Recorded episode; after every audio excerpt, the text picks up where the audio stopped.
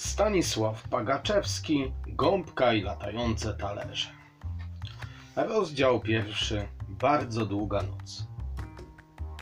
Naprzód spadło kilka kropli jakiegoś płynu, a potem puszka po makrelach w oleju. O tym, że to były makrele, a nie śledzie w sosie węgierskim, przekonał się profesor Gąbka przy pomocy latarki elektrycznej, którą namacał w kieszeni skafandra. Jedna z kropli zwilżyła zeschnięte wargi profesora. Oblizał się i poczuł w ustach smak piwa.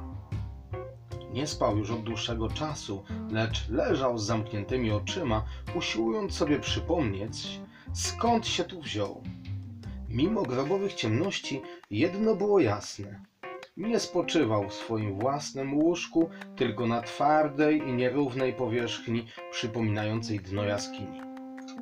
Nie miał na sobie piżamy, lecz puchowy skafander z kapturem. Zdrętwiałe od długiego bezruchu nogi tkwiły w spodniach, których nogawki ginęły w cholewach gumowych butów. Nie ulega wątpliwości, myślał profesor, że jestem w ciemnym pomieszczeniu, które nie ma okien, ale za to jakiś otwór, przez który wpadają puszki z konserw rybnych. Cóż by to mogło być za miejsce? Chyba nie smocza jama.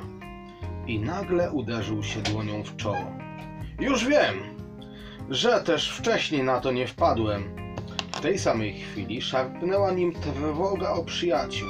Snop światła omiótł skalną pieczarę pełną ostrych występów, półek, gzymsów, o stropie usianym stalaktytami.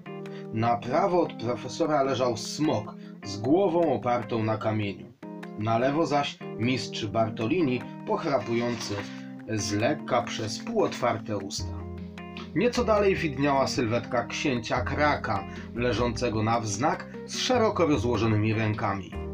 W świetle latarki błysnął złoty łańcuch, z którym książę nigdy się nie rozstawał. Profesor zerwał się z wielkim trudem, zrobił kilka kroków na zesztywniałych nogach. Bolały go wszystkie stawy i mięśnie. Wykonał szereg głębokich wdechów i ku swemu zdumieniu poczuł zapach fiołków. Skąd by się tu wzięły fiołki? Pomyślał z niedowierzaniem. To przecież niemożliwe, żeby w tej ciemności mogły istnieć jakiekolwiek kwiaty. Może to złudzenie. Podszedł do smoka. Hej, hej, obudź się, stary, zawołał, ciągnąc go za ramię. Smok usiadł i otworzył oczy. Co się dzieje? Pospaliśmy się jak susły, odparł profesor i skierował się ku Bartoliniemu.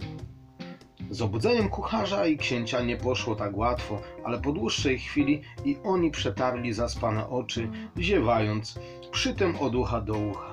Która godzina? zapytał Krak. Za piętnaście czwarta, odparł profesor. Ale zdaje mi się, że zegarek stoi.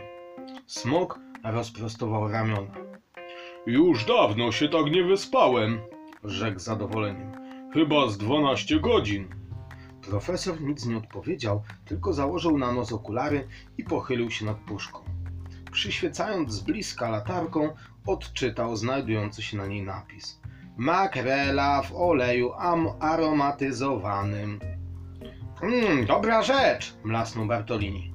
Profesor czytał dalej. Surowce, ryby, olej roślinny, ocet, przyprawy, spółdzielna praca rybołówstwa i przetwórstwa rybnego, CERTA w Szczecinie. Cena 11 zł. Data produkcji. Nagle przerwał i przez chwilę przyglądał się puszce z niedowierzaniem i głęboką uwagą, o czym świadczyły zmarszczki, które rysowały się na jego czole. Co cię tak zatkało? zapytał książę, masując sobie zesztywniałe kolana. Puszka jak puszka. Zdaje się, że wczoraj jedliśmy jakieś konserwy. To nie nasza puszka, rzekł profesor głosem, w którym dźwięczała niezwykła powaga. Słuchajcie, data produkcji 15 marca 1978. Co? Jaki? 1978, powtórzył profesor. Coś ty, mruknął książę. Wcale nie żartuję, tu jest wyraźnie napisane 1978 rok. A który rok mamy obecnie? 778, rzekł Bartolini. Pamiętam dobrze, bo to dwudziesta rocznica mojego ślubu z Balbinką. Czy te rybki nie są przypadkiem nieświeże? Profesor pokiwał głową przecząco. Nie, moi drodzy, wystarczy powąchać to, co w puszce zostało. Obawiam się, że to my jesteśmy bardzo, ale to bardzo starzy.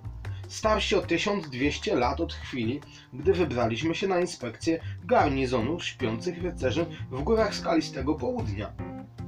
W głębokiej ciszy, jaka zapadła po tych słowach, zrodził się nagle daleki gwar i stukot licznych kroków. Jak na komendę podnieśli głowy, bo owe dziwne głosy dolatywały z górnej części jaskini. Psyt. Psst, szepnął smok nadstawił swoje ogromne uszy, przypominające do złudzenia anteny radaru. Nie teraz. Nic nie mówcie. Wstrzymali oddech. Tak, Stwierdził smok po chwili. tam nad nami idzie dużo ludzi. Ktoś gra na gitarze. Słyszałem nawet słowa piosenki śpiewanej przez Młode głosy. Koniec części pierwszej.